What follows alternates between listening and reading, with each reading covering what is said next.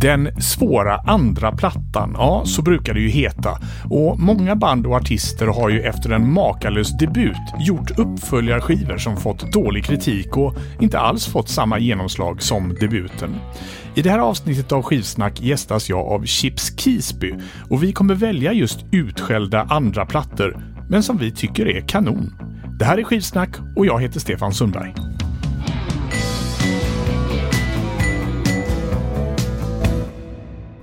Då säger jag välkommen till eh, Skivsnack Chips Kisby. Hej hej! Medlem i Sator, producent och eh, skivsamlare. Ja, i den ordningen eller på att säga. Och det kanske är skivsamlare först. Om man ska vara Okej. ärlig. Och eh, idag har vi ett, ett ganska speciellt ämne. Vi ska prata om andra plattor. Alltså, och kanske framförallt andra plattor som har blivit eh, lite oförtjänt utskällda. Band och artister som har gjort en succé eller en bra platta, så kommer andra skivan och så blir det inte lika Ja, bra. det är lite där. Det är ganska brett område där med andra skivor och det kan diskuteras i evigheter. Så Ja, så vi har, vi har mycket att prata om. mycket att prata om. Men innan vi drar igång så ska du eh, få fem snabbfrågor av mig. Ja, Första skivan för egna pengar. uh, Ramones Rocket to Russia.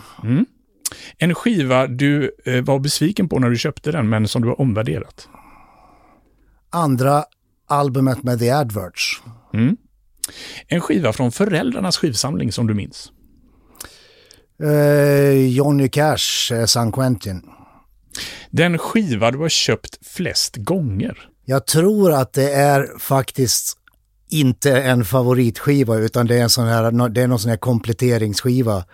Så det där femte Damned-plattan eller sånt där som man bara, ja just det, jag ska ha den här också. Och sen kommer man hem så har man redan gjort den där kompletteringen ett par gånger. Jag känner igen det där. Jag känner igen det där. Eh, sista frågan då. Den artist eller det band som du har flest skivor med? Flest kan vara, det är nog Ramones faktiskt. Mm. Har du en komplett Ramones-samling? I, ja, inte sådär äh, alla tyska omslag och allt sånt där. Jag har alla, jag har alla låtar. Då kastar vi oss in på det här avsnittets ämne som alltså är andra plattor och eh, framförallt kanske då utskällda andra plattor som vi faktiskt eh, tycker om. Eh, jag har valt några skivor, du har valt några skivor. Så eh, Chips, som gäst så får du börja. Vad ska vi prata om först? Vi ska då prata om förmodligen den skivan som jag har försvarat mest genom åren åt, från alla håll och kanter. Oj, ja. Och det är andra The Damned-plattan Music for Pleasure. Den får bara skit av nästan och, och även av bandet. Jag var på deras, om det var 30-årsjubileum när de skulle spela skivor, spela alla sina skivor sa de först. Sen kom de på att det går ju inte. Så då gjorde de ett urval och de spelade från alla skivor utom Music for Pleasure. Jaha, så Alltså, så det här är en skiva som både kritiker, publik och band inte Ja. tycker om. Oj! Men eh, den är fantastiskt bra. I höstas så gjorde de ju en, en eh, kort turné med originalsättningen. Och originalsättningen gjorde ju bara två skivor. Så då tänkte jag att nu måste de ju spela, de kan inte bara spela första plattan, det räcker inte. Nej. Så jag åkte till England med förhoppning att äntligen få se de här låtarna och nu spelar de faktiskt dem. Men det var ju för att de var tvingade. Ja, de hade inte så mycket mer material. Men, men vad är det som har gjort att den här skivan har blivit så kritiserad? Det var ju meningen att Syd Barrett skulle producera den från början, vilket hade varit väldigt spännande. Men eh, han eh, kunde ju inte, så då skickade de en annan Pink Floyd-medlem istället och, och bara liksom ha en Pink Floyd-medlem på en punkplatta, det är ju lite varning där. Vem, vilken medlem var det? Eh, det är väl Nick Mason va? Ah, okej. Mm, mm. Ja, så det var, det så var ju, han dök tydligen bara upp första dagen i studion och sa att ah, Syd Barrett kan inte, jag kommer istället. så därför antar jag att bandet fick väl en ganska konstig vibb av hela inspelningen. ja men verkligen. Och, verkligen. och sen ser den, jag kommer ihåg när jag kom till skivaffären och ah, nu har andra Damn kommit. Och sen är det liksom ett Picasso-omslag. Det är med massa streck, det är modern konst. Och det låg inte riktigt bra till i tiden heller. Man var så här, äh, fan det där såg inte så punkigt ut. För vilket år eh, kom den här? Den måste ha kommit, kan den ha kommit 77 redan? Ja, Mm. jo. Jo, det gjorde den. Ja, för jag, jag, jag vet ju, ja, men jag har ju första skivan, det är den som Ja. heter Damned, Damned, Damned. Ja, precis. den tycker jag är fantastisk, men jag, jag har faktiskt inte ens hört den här andra plattan. Nej, det är det. Fast, nu, nu blir jag nästan lite nyfiken. Ska, Ja, vi, men- ska vi lyssna på någonting ifrån den? Jag vill spela Problem Child.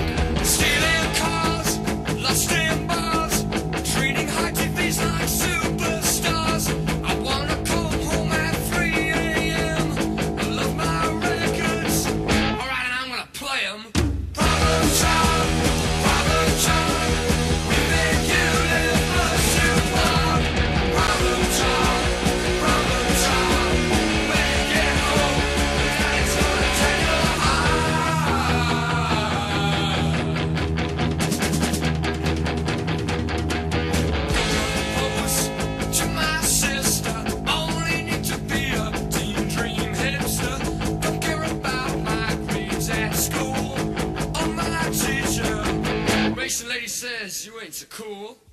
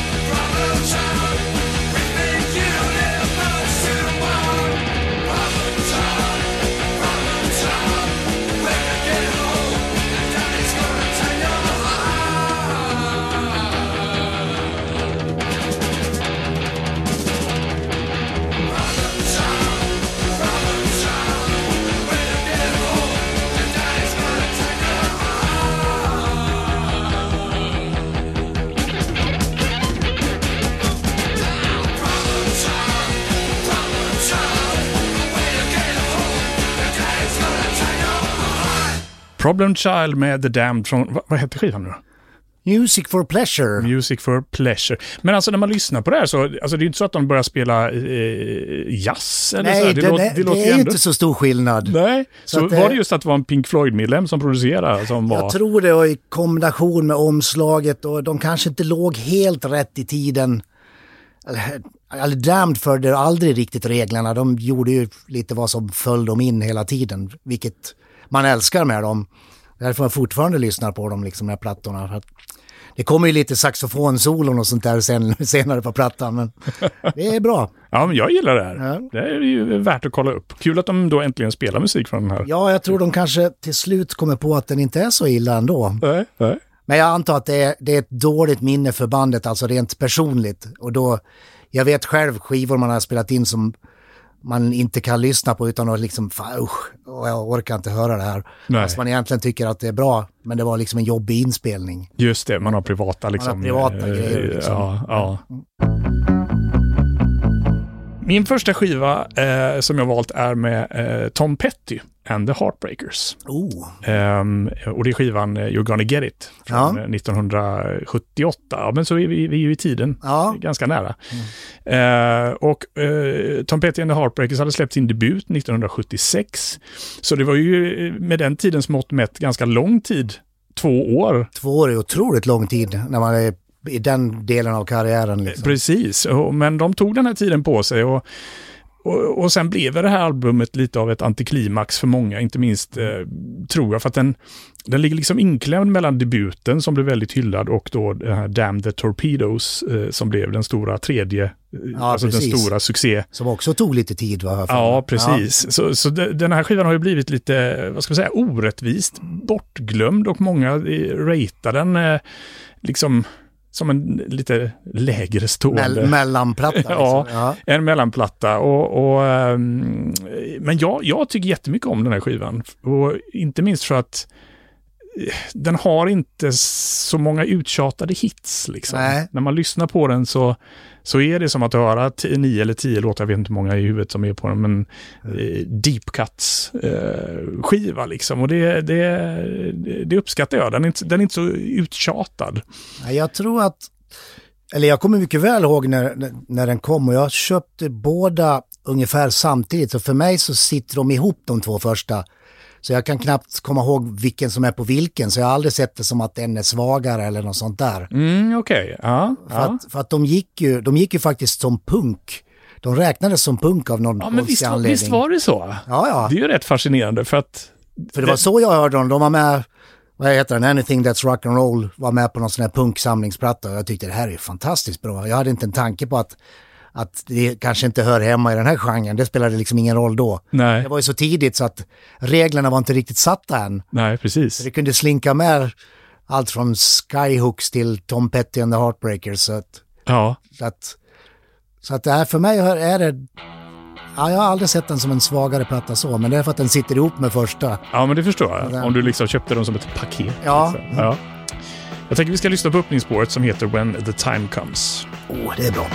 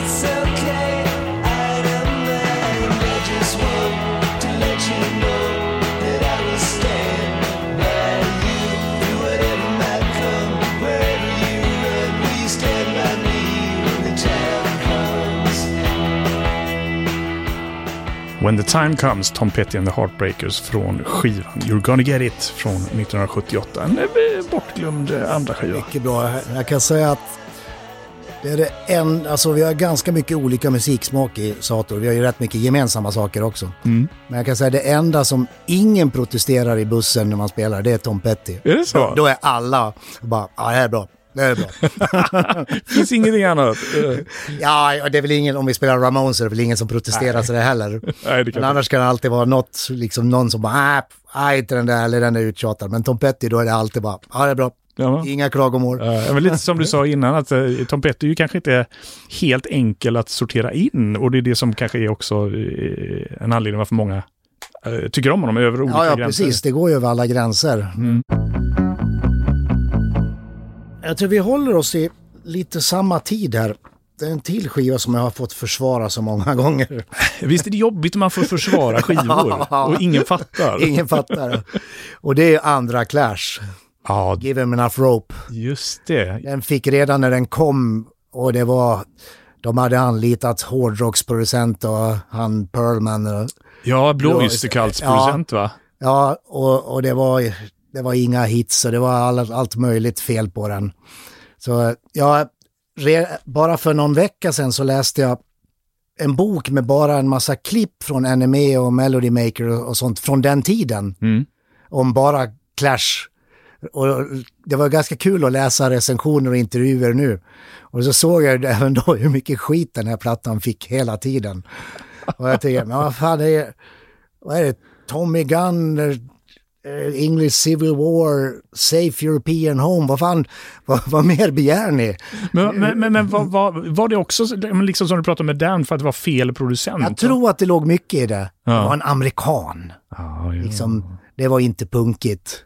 Jag tycker det är det bästa gitarrljudet Clash har på alla skivor överhuvudtaget. Okej. Och det är absolut inte hårdrock. Det är, Nej.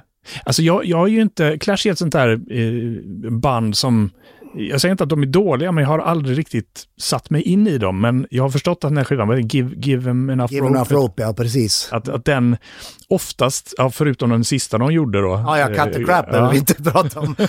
Men just den här Den andra kan inte ens plattan. jag försvara.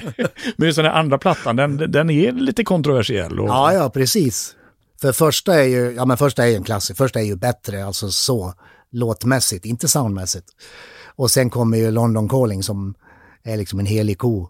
Den får man ju ingen säga något negativt om. Men, men alltså när du försvarar den här skivan då, vad, vad får du för mothugg? Vad säger folk? Ja, de säger ja men det, det var liksom, det är London Calling som är den stora skivan. Ja, det, det är det också, men det är inget fel på, på den andra plattan heller. Och jag säger det, som sagt, det bästa gitarrljudet för, Ja. Men, alltså, men, men är den fortfarande liksom inom situationstecken bespottad eller har den fått någon slags renässans med tiden? Nej, det, jag tror inte ens den har fått det. Alltså det... Jag menar, de riktiga Clash-fansen, de, klart att de erkänner att Tommy Gunn och Safe European Home och de där, att det, att det är klassiker. Men det är fortfarande lite sådär muttrande, men ja, fast sen är det väl inget mer, fast det är det, det är en bra platta.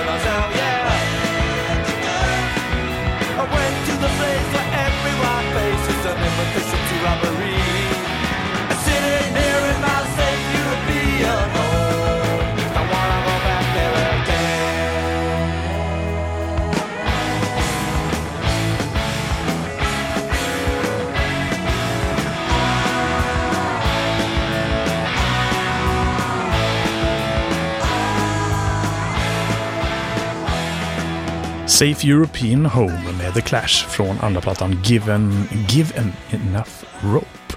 Precis, och sen har de ju Topper Headon på trummor här också. Han är ju vassare än, än den första trummisen.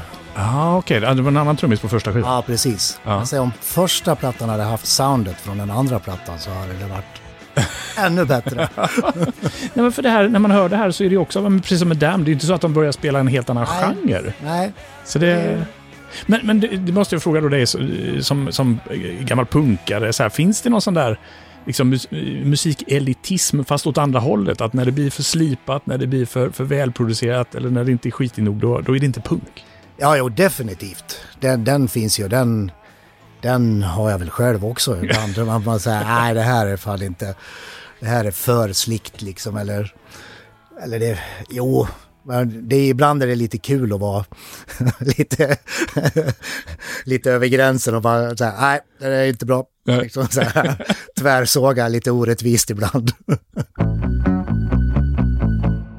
Nu kommer jag ju sparka in öppet mål då. ehm, med tanke på vad du just pratat om med punk och, och eh, ideologierna kring det. Jag ska prata om Toto. Oh, Ser du håret reser bara. Jag älskar ju Toto. Eh, och det här är ju öppet mål, som sagt, för, för att prata med en punkare om kan jag tänka mig. Men... Eh, jag vet inte ens vad andra Toto-skivan är. Nej, Jag ska se. jag har, jag har den här. Får se hur den ser ut. Den ser ut så här. Ja, jo, jo, men den där har jag ju sett. Det här är Toto och andra skivan Hydra från eh, 1979. Och Toto får ju oftast kritik för att vara liksom för duktiga. Ja. Det blir, blir könlösa musiker som spelar musik för musiker och så, och så vidare. Men eh, för mig är Toto något annat. För det första jag, är jag uppvuxen med Toto när jag var tonåring. Men, men sen finns det groove, det finns melodier, det finns eh, liksom annat. Jag, för mig är det inte tråkig musiker Nej, nej. musik. Toto de fick sitt genombrott 78, eh, året innan Hydra med sin debutplatta. Och det var ju då ett gäng Los Angeles eh, session musicians som slog sig samman och Ja, fick, ja, fick en jättehit med Hold the Line och, och första deb debutplattan då. Eh, de kom ju en period som ju var helt fel egentligen för den här musiken, för mm, 77 hade ju punken exploderat. Ja, ja, precis. Och, och, och, men jag tror att amerikanerna var ju kanske lite se, senare med punken. Amerikanerna var, ja punken kom inte dit förrän typ Nirvana. alltså i princip. Nej. Green, Green Day och Nirvana, det tog många år innan det kom in liksom på mainstream eller vad ska jag säga. Ja, men precis. Så därför tror jag att liksom band som Toto och den AOR, västkustrocken, den kunde liksom leva kvar. jag på, kan inte på tänka mig att 70 de fick bra recension i NME till exempel. Det har jag svårt att tänka mig. De har väl aldrig fått bra recensioner. Men i alla fall den först, första skivan gick ju väldigt bra. Ja. Som sagt, det blev en, en, eh, en, en hitplatta och, och Hold the Line som sagt. Men, men den här andra plattan, Hydra, när den släpptes så, så uh, floppade den. Och det är lite synd tycker jag, eller för jag tycker det är en suverän platta och eh, betydligt mer liksom, intrikat och, och nästan liksom proggig, mm, alltså progressiv Ja. än debuten. Och, och jag kan ju förstå alltså, att det finns inga singelhits på samma sätt och det är mer snårigt och inte lika direkt kanske som debutplattan. Men, men det är ju det som gör den mer intressant i, i mina ögon. Lite grann som Petty också, det blir mer intressant lyssning när den inte Ja. är, är heller sönder Sönderspelad. med massa hits då. Eh, för sen, eh, och skivbolaget blev ju livrädda när den här inte sålde. Och sen när tredje plattan kom så sålde ju inte den heller och då skulle, var de ju beredda att eh, kasta eh, Toto på soporna. Men då, Ja. då släppte de den här Toto 4 med Africa och Rosanna. Ja, ja, då kom, ja. Då, då svängde allting. Men, men den här skivan tycker jag är, är sorgligt eh, underskattad. Eh, vi ska lyssna på en snutt ur första låten som, ja det är titelspåret, Hydra. There was a man who walked alone, searching for the girl who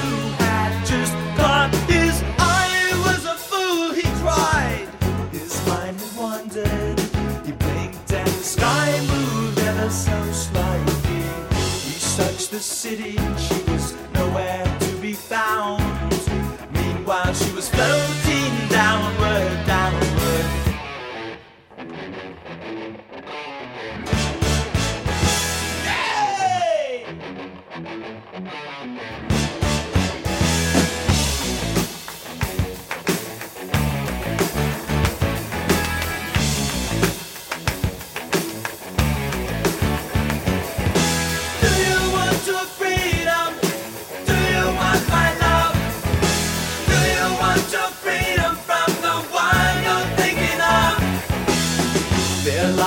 lady, naked and yet not knowing. A spell claims her heart forever. Preyed upon by the wolves in Times Square, fell into an abyss of thin air, innocent, caged in sanctuary.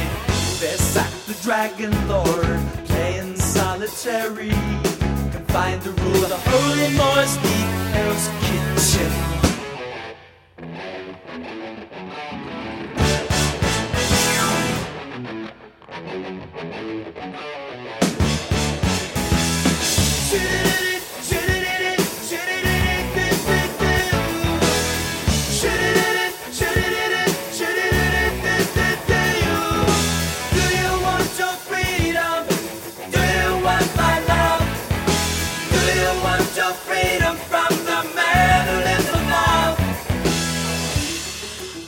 Hydra från albumet Hydra med Toto. Året var 1979 från deras eh, då floppande andra platta. Vad tänker du när du hör det här Chips? Ja, men jag gav dem ju chansen en gång. Jag, jag tänkte sådär, någon reaback och så var det första Toto. Och så här, men det är ju miljoner som gillar det här. Nu ska jag, nu köper den här och så ger jag den chansen. Och bara sätter mig ner och går in i det så mycket det går. Ja. Så det är ganska kul att göra så när man, man vet att oddsen är emot. Liksom. Fun funkar det då? Eh, nej, Nej. inte riktigt, inte hela vägen. Nej. Jag, vill säga, jag blev enormt imponerad över liksom hur bra de lirar, hur duktigt de lirar, hur väl inspelat det är, hur bra de sjunger, allt, och det är välskrivet allting. Men det är inte för mig. Nej. Det, Nej. får, det, det, det saknas någon, någon glöd eller något. Saknas, saknas sex, om jag ska dra en klyscha. Typ. Ja. det, det är inte Little Richard. Liksom, det. Men jag gav dem chansen. Ja. Jag tyckte det här lät mer intressant faktiskt. Ja, nej men då... För jag, jag, kan vara, jag kan vara ganska långt in i proggträsket och nosa ibland. Ja, den här låten är ju så här åtta minuter lång och så Ja, det är ja. en massa taktbyten och skit. Kanske den jag skulle ha gett chansen istället. Det skulle det kanske vara. Ja, det är inte för sent. Ja, vi ska snart ge oss på fler fantastiska andra album. Men innan dess vill jag bara påminna om möjligheten för dig som lyssnar att stötta Skivsnack och bli Patreon. Skivsnack görs ju helt ideellt, utan sponsorer, men kostar en slant att göra. Det är teknik, det är studiokostnader, det är musiklicensiering och så vidare. Och för att vi ska kunna fortsätta göra podden så kan du stötta genom att just bli Patreon. Då har du också möjligheten att ta del av exklusivt bonusmaterial, förlängda avsnitt, bonusklipp, Bland annat kommer det finnas mer material, till exempel med mig och Chips där, som inte går att höra någon annanstans. Vill du stötta med en liten slant varje månad så gå in på patreon.com och sök på skivsnack. Stort tack! Det kom ju en platta, nu måste jag, måste jag titta på mitt papper där vilket år den kom. Strokes, första Strokes-plattan kom 2001. Just det, det kommer man ihåg. Och det var ju en sån här skiva som alla, alla köpte typ och älskade. Mm. Och fortfarande när man hör, om det spelas något så är det från den. Men sen kom det en skiva två, som ingen någonsin lyssnade på typ. Och eh, jag vet att jag köpte den andra plattan och jag gillar den. Ja, jag, det- jag håller med, den, den skivan var en sån där, precis som du säger, som alla köpte och alla älskade den. Både, Ja. Jag personligen gjorde det kanske inte, men jag vet att både kritiker och, ja men du vet. Ja, ja, alla. precis. Alla var liksom överens. Och den, jag älskar den första Strokes-plattan, men den låter ganska illa. Det låter som den är inspelad för ett par hundra spänn i i en replokal, typ, vilket är en del av skärmen. Ja.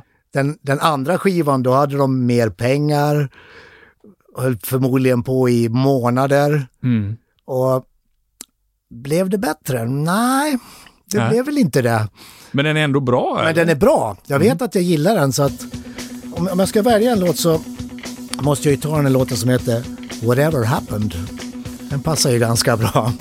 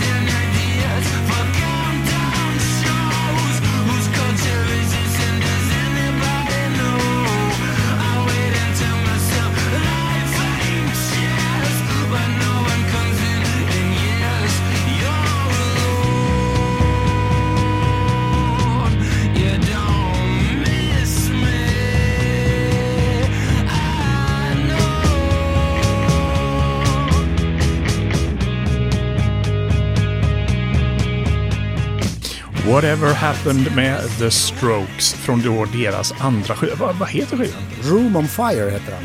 Okej, och från år... 2003 kom den, det tog två år också. Mm. Efter, ja, men det där, är- ja, hör, man hör ju att det är, det är inte en världshit.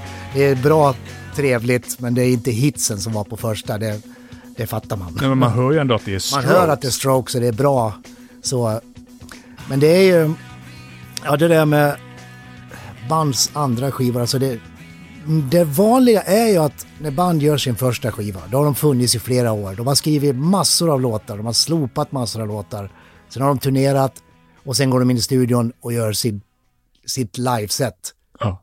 Och det, är- det är bara bra låtar, för resten har de rensat ut.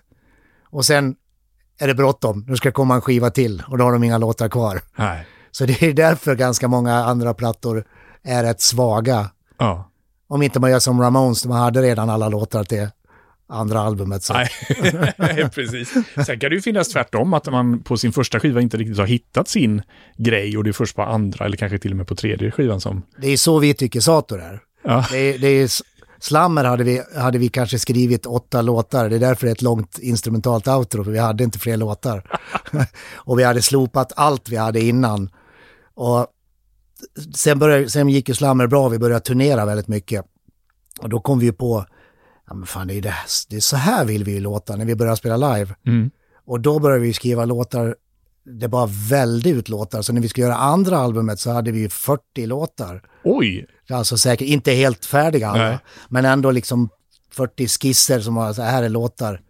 Så att vi gjorde ju helt tvärtom Mm. egentligen. Vi tycker ju egentligen, ja slammer kanske var viktigare när den kom för att det var, det var något nytt. Mm.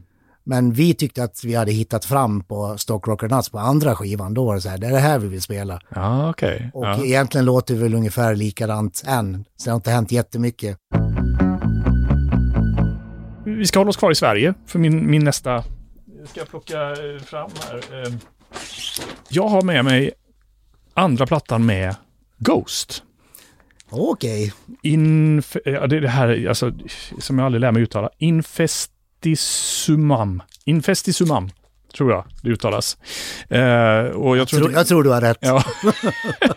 och, och, och jag tror kanske inte Ghost behöver någon närmare presentation, sensation i Sverige och, och utomlands. Men, men alltså just det här andra albumet har en tendens att hamna lite i kölvattnet. Och också lite grann som, som eh, Petty, att den är inklämd mellan den första skivan som ju var så här, wow, vad är det här? Här det var kommer något helt nytt. Fenomen, ja. Och sen kom då tredje plattan Meliora som blev det stora genombrottet. Så att just den här hamnar också en sån där eh, in-between Ja. eh, platta. Och det här var ju då också innan Ghost gick igenom den här rättsprocessen där eh, för de var ju ändå ett, eh, vad ska man säga, mer av ett, ett band. Eh, och sen var det ju en rättsprocess där eh, frontmannen Tobias Forge och resten av bandet eh, Ja. delade på sig. Så, så det var ju efter den här skivan sen som bandet blev kanske mer så här slickt, eh, AOR, lite mer poppigare. Och jag älskar det också. Eh, men den här skivan tycker jag är lite så här synd att den ofta glöms bort och eh, ses som kanske en av de eh, sämre ja. Ghost-plattorna. Hur många har Ghost gjort? Nu låter jag... Eh, de har väl gjort fem. Är det fem? Fem ja. plattor nu. Ja. Och, eh, och jag, jag tycker de här två eh, första plattorna har något speciellt. Jag gillar som sagt de andra plattorna också. ja. Men Men det det, är de två första som jag har hört mest. Ja, Sen har jag tappat, tappat tråden lite. okej. Ja, nej, men det är som, eftersom jag gillar Toto och sånt där så. Ja, men ibland, ibland, jag tänkte ju säga det, jag, kan, jag är lite kluven till Ghost. Ibland sitter jag och tycker så här, fan det här är fantastiskt bra. Och så rätt vad det är så bara, vad fan är det, är det Toto? Ja.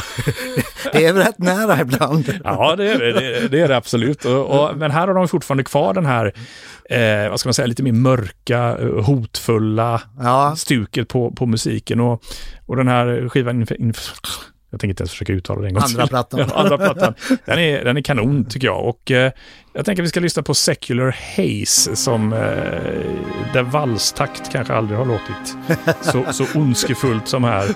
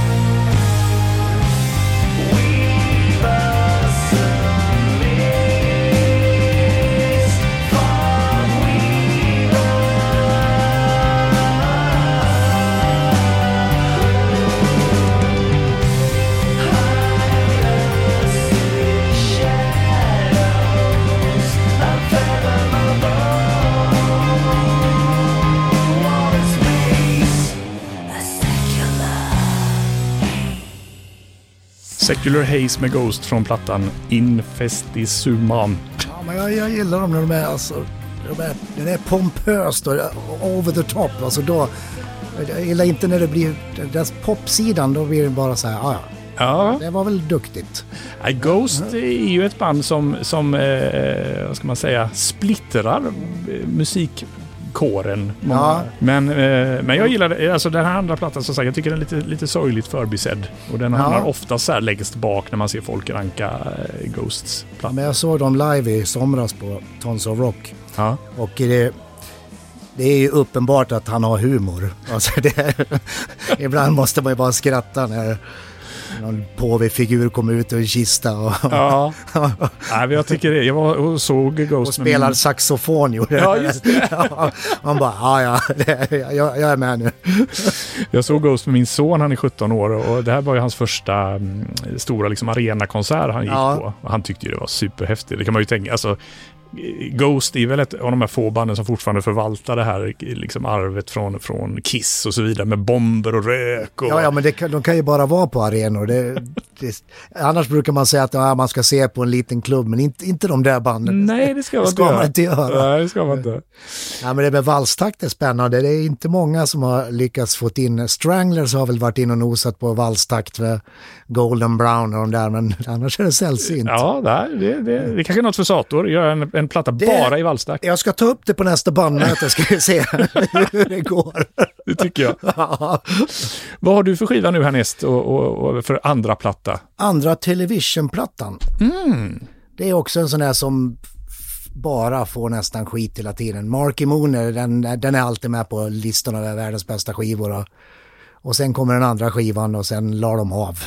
Så att Ja, det är den här, vad heter den? Adventure va? Adventure heter den, ja Och- och precis. är Den lite röd, röd. ja. Den röda, ja. Ja men det, de hade ju turnerat i liksom sju år och skrivit och låtarna till första och sen var det bråttom till andra. Det, men eh, den är bra, det är liksom, vad är det, Foxhole och Glory och den är nästan lika bra som första. Så den förtjänar inte riktigt den där liksom flopp-ryktet. Mm. Vad, vad är det som har fått den att få... Var det just att det blev en flopp eller är den generellt musikaliskt också betraktad som en sämre skiva? Ja, jo men det, den, den anses ju som ganska blek. Och ja, den är svagare än första, det, men inte mycket. Och i och med att de bara gjorde två skivor innan de la av så tycker jag liksom att man, eller jag har då lyssnat lika mycket, kanske ännu mer på andra skivan. För just att den hör man inte så ofta heller. Det är som du säger, när, det blir nästan roligare när det inte är uttjatat. Mm, mm. Liksom. Så att eh, det var ganska nyligen jag lyssnade på den igen och tycker fortfarande så här, ja det här är jättebra. Mm. Ja, Jag, jag har bara Marky Moon. Jag har faktiskt Ja. aldrig, och, och har väl lite då... Eh, Men de la väl av, alltså typ, jag vet inte ens om skivan hann ut. Så att det, det gjordes ju väl ingen marknadsföring för den heller direkt. nej. Och när, när inte bandet finns längre. Så att det är väl också en orsak till att den liksom bara glöms bort. Mm. För jag har ju varit lite orättvis när jag, för jag har stått och hållit i den ibland, för jag gillar ju Marky Moon. Ja, Och har då liksom, och- det här tycker jag illa om mig själv när jag tänker så här att, ja men den här ska ju inte vara så bra. Och så ställer man tillbaka den liksom. nästa gång så plockar du den, då så ger den chansen. Ja, vad ska vi lyssna på då? Vi kan ta Foxhole.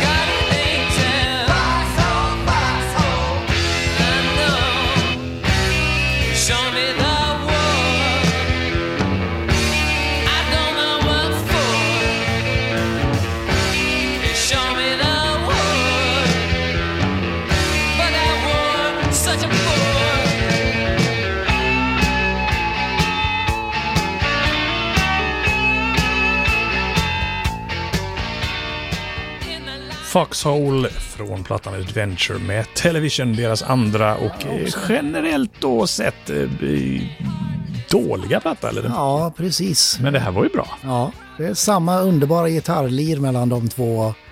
Den där hade nog kunnat varit med på första utan att någon hade tänkt på det. Mm. Så, att, så att, nej, den är underskattad. Sen gjorde de ju en tredje skiva många, många år senare. Hur var den? Eh, den hörde man knappt ta talas om, men den är faktiskt också riktigt bra. Den, men den måste ha kommit ja, slutet på 80-talet eller början på 90-talet någon gång. Okej. Men sen kan man ju, och det är problemet med andra skivan, man kan ju lösa det genom att aldrig göra någon andra skiva. Som, som Pistols kom ingen dålig andra skiva om inte man räknar Rock'n'Roll Swindle då.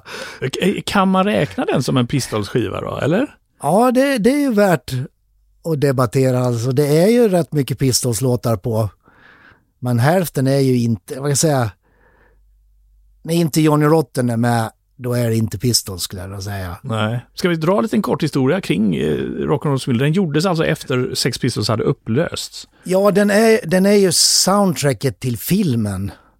Och så drog de ihop diverse inspelningar som har blivit över och de gjorde väl klart sådana som Johnny Rotten sjunger på som egentligen kanske bara var någon demo eller något jam.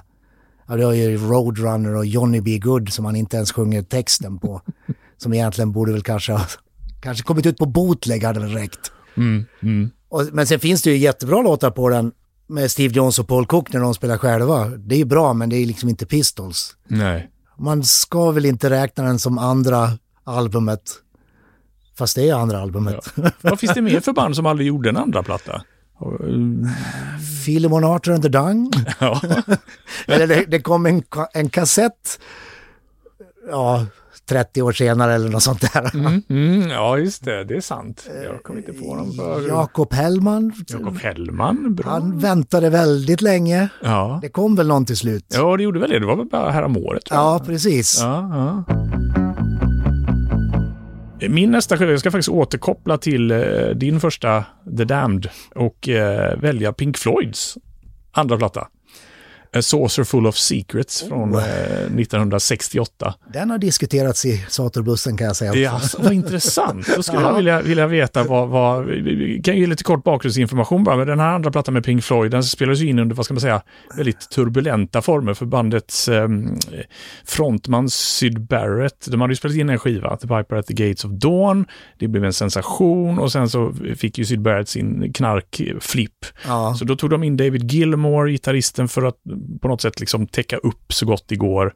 Så att den här Saucer Full of Secrets, när den spelades in så, så var det ju ett band i lite, lite, lite, lite röra, kan man väl säga. Jag vet att Syd Barrett är väl med till viss del och David Gilmore Jag tror är han är med på en låt Ja, det- två ja, låtar. Alltså han är med väldigt lite. Ja, precis. Hur, hur diskuteras den i, i Satorbussen? Givetvis är första Pink Floyd bättre. Det är med Syd Barrett. Det, de kommer ju inte upp i de höjderna. Men det är fortfarande en väldigt bra och intressant skiva. Och det är någonstans, man hör att ett band som söker efter en ny identitet. Och vilket de håller på med ett par skivor sen med de där alla Umma Gumma och, och allt vad de heter, de där Obscured by Clouds, riktigt skumma plattor. Ja, Men eh, det är en bra skiva. Vi, är, vi har lyssnat ganska mycket på den så när man bara färdig med första så vill man ju gå vidare. ja. Nej, men eh, alltså, anledningen varför jag gillar den, jag, jag har ju lite svårt för det här psykedeliska pop-Floyd som de var på första Ja. skivan. Jag gillar ju mer det här eh, Som psykedeliska. olika och- band egentligen. Alltså sena Pink Floyd har ju inget med Nej. tidiga Pink Floyd att göra. Precis. Men det är det jag tycker är lite spännande med den här skivan för att den, eh, precis som du säger, den är någon slags brygga från det här psykedeliska pop-Floyd Ja. till det här mer progressiva, eh, flummiga och, och i förlängningen också symfoniska bandet. De Ja, blev. precis. så, så, men den står ju inte alltid så jättehögt i Nej, Pink den har väl ganska lågt anseende. Liksom det. Ja, Det är de här, ja, de här Syd Barrett-fansen, de kan ju inte hylla den eftersom han knappt är med längre. Och de senare Pink Floyd-fansen, de tycker fortfarande att det är lite för mycket hippieflum. Ja. liksom vi lyssnar på en snutt här från första låten, Let there be more light.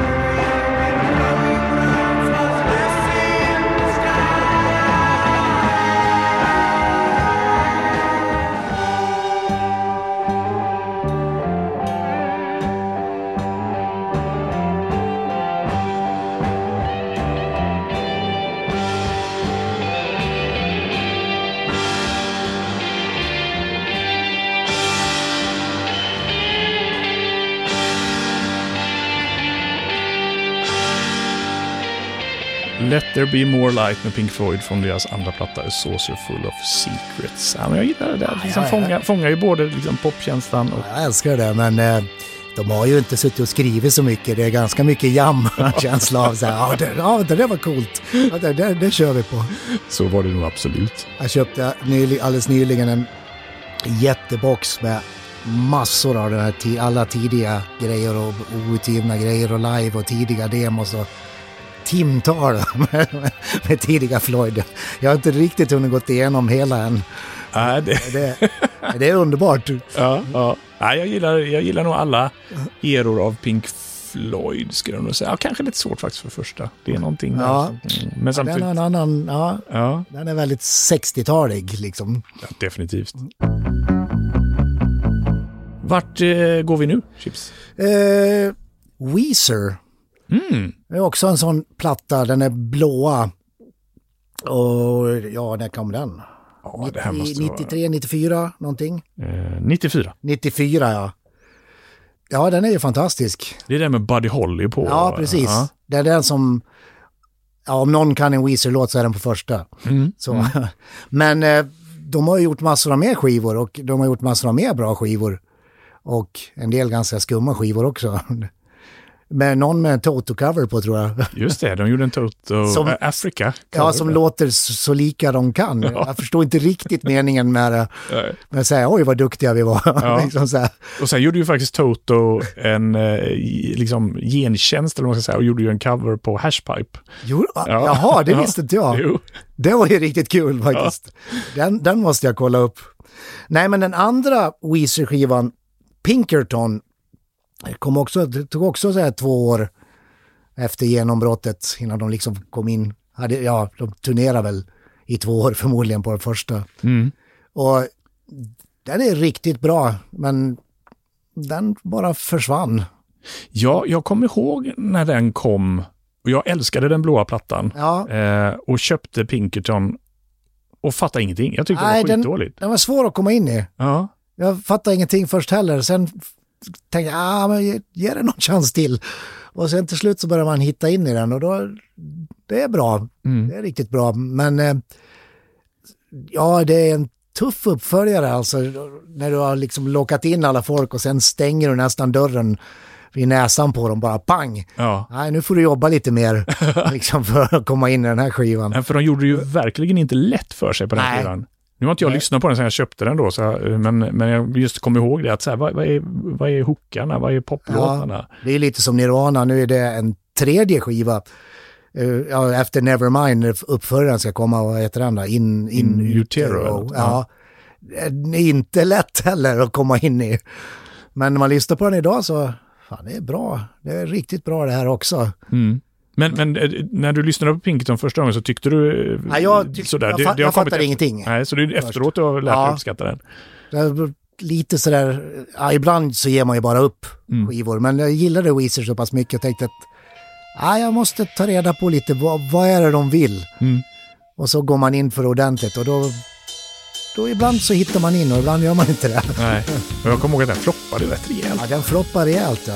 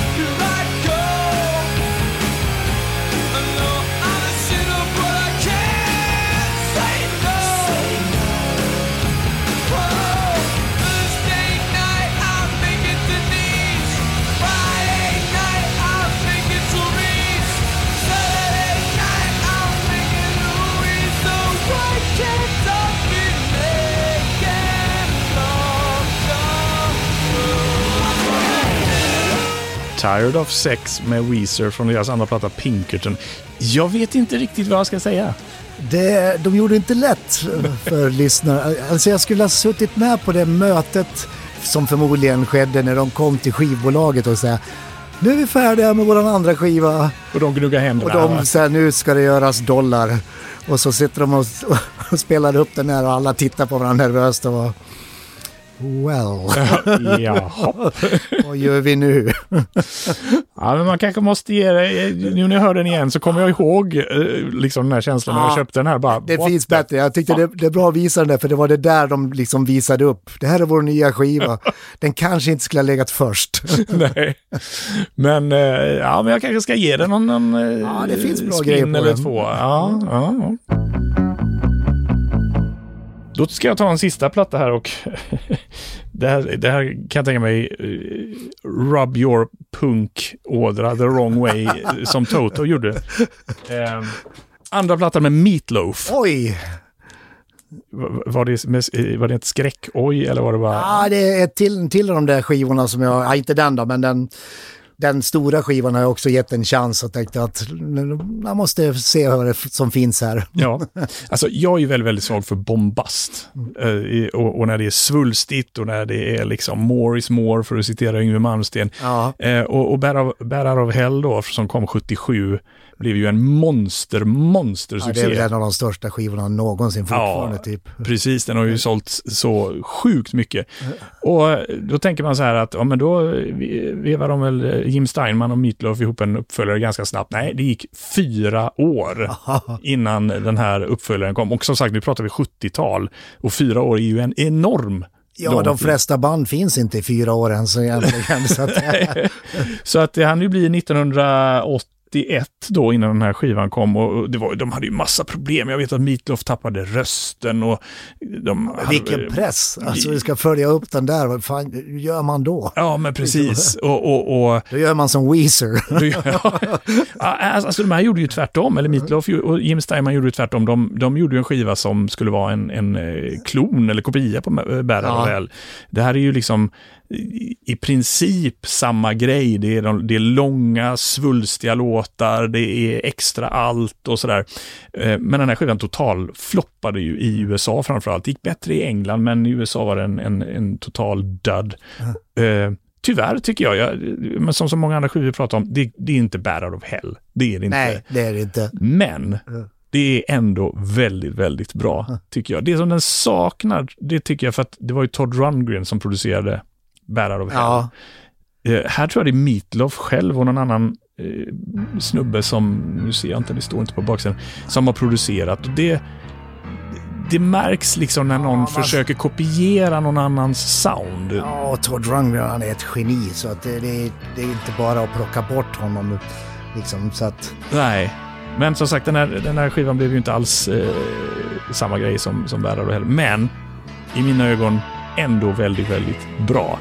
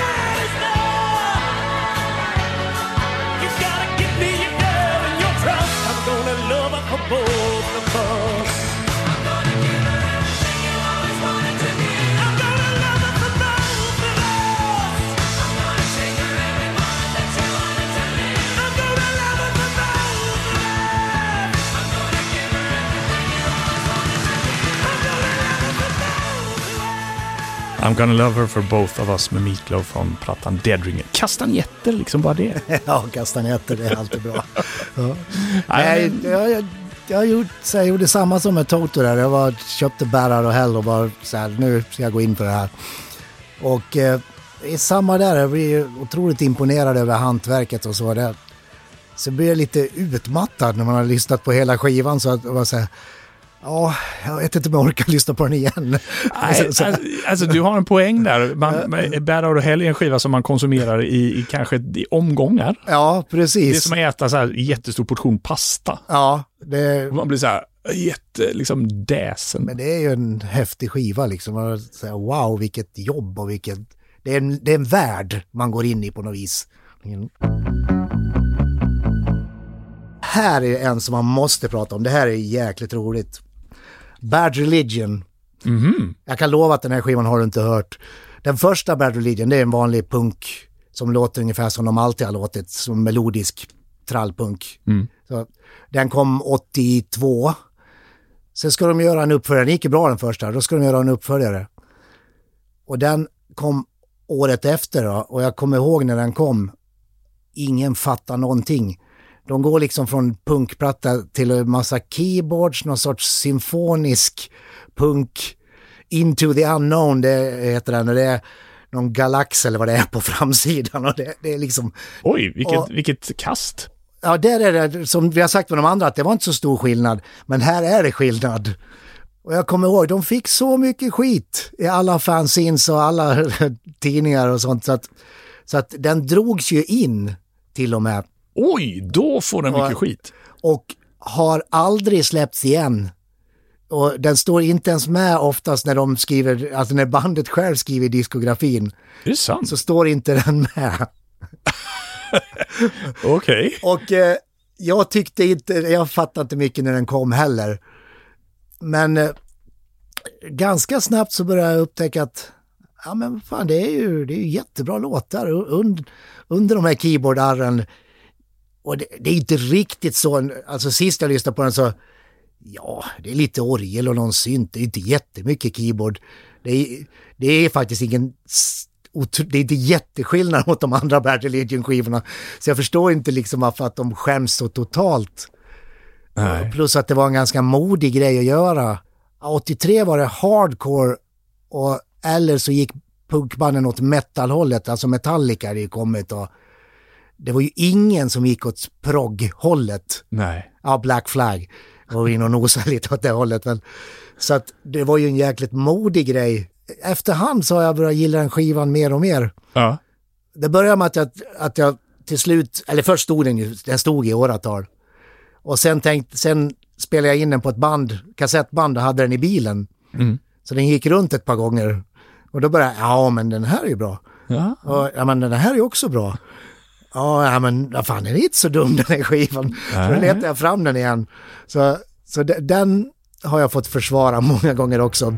Men eh, det är ju så Utan få. gehör eller? Ja, men det är, det är ingen som har hört den. Nej, det är en sån här svår skiva att hitta också. Ja, ja, alltså det, jag, jag kostar säkert flera tusen nu. Oj. För att det, de drog väl in och förstörde de flesta exen för de skämdes så mycket för. Ja. ja.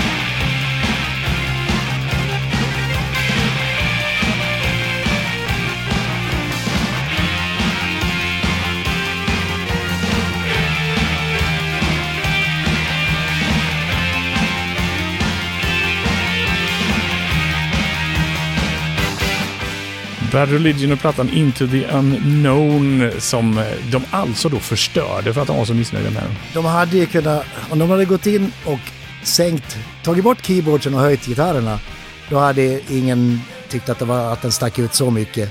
Nej, jag tänkte just när jag, när jag hörde i början, Ja, de mixar. lite Toto nästan. Ja, ja, och de mixade jäkligt starkt också. De var väl så här, ja det här är nytt. Ja, det var det väl för dem kanske. Ja. Och sen gjorde de inte en skiva på fem år. Sen Alltså. tog det fem år innan de bara så här, nej nu går vi tillbaks, så gör vi precis som vi gjorde innan. Och då slog de igenom. Grej. Men eh, så den, är, den är definitivt underskattad den här plattan. Ja, den är inte skattad överhuvudtaget för det är knappt någon som vet att den finns. Nej, nej. Ja, du fick leta upp den på YouTube. Den fanns ju inte Ja, den fanns inte någonstans. Nej. Eh, Chips Kisby, tack så hemskt mycket för att du besökte Skivsnack. Tack, alltid kul att nörda. Eller hur? Ja. Och som vanligt, stort tack till dig som lyssnar och följer Skivsnack. Sprid gärna ordet till folk du känner som gillar musik, som gillar skivor, att podden finns. Följ oss också gärna på Facebook, på Instagram och på YouTube. Spellista på Spotify med musiken från det här avsnittet hittar du på skivsnack.com. Och som sagt åter, bli gärna en Patreon på patreon.com och stötta podden. Tack också till Taket för hjälp med grafisk form. Jag heter Stefan Sundberg. Vi hörs igen. Hej då!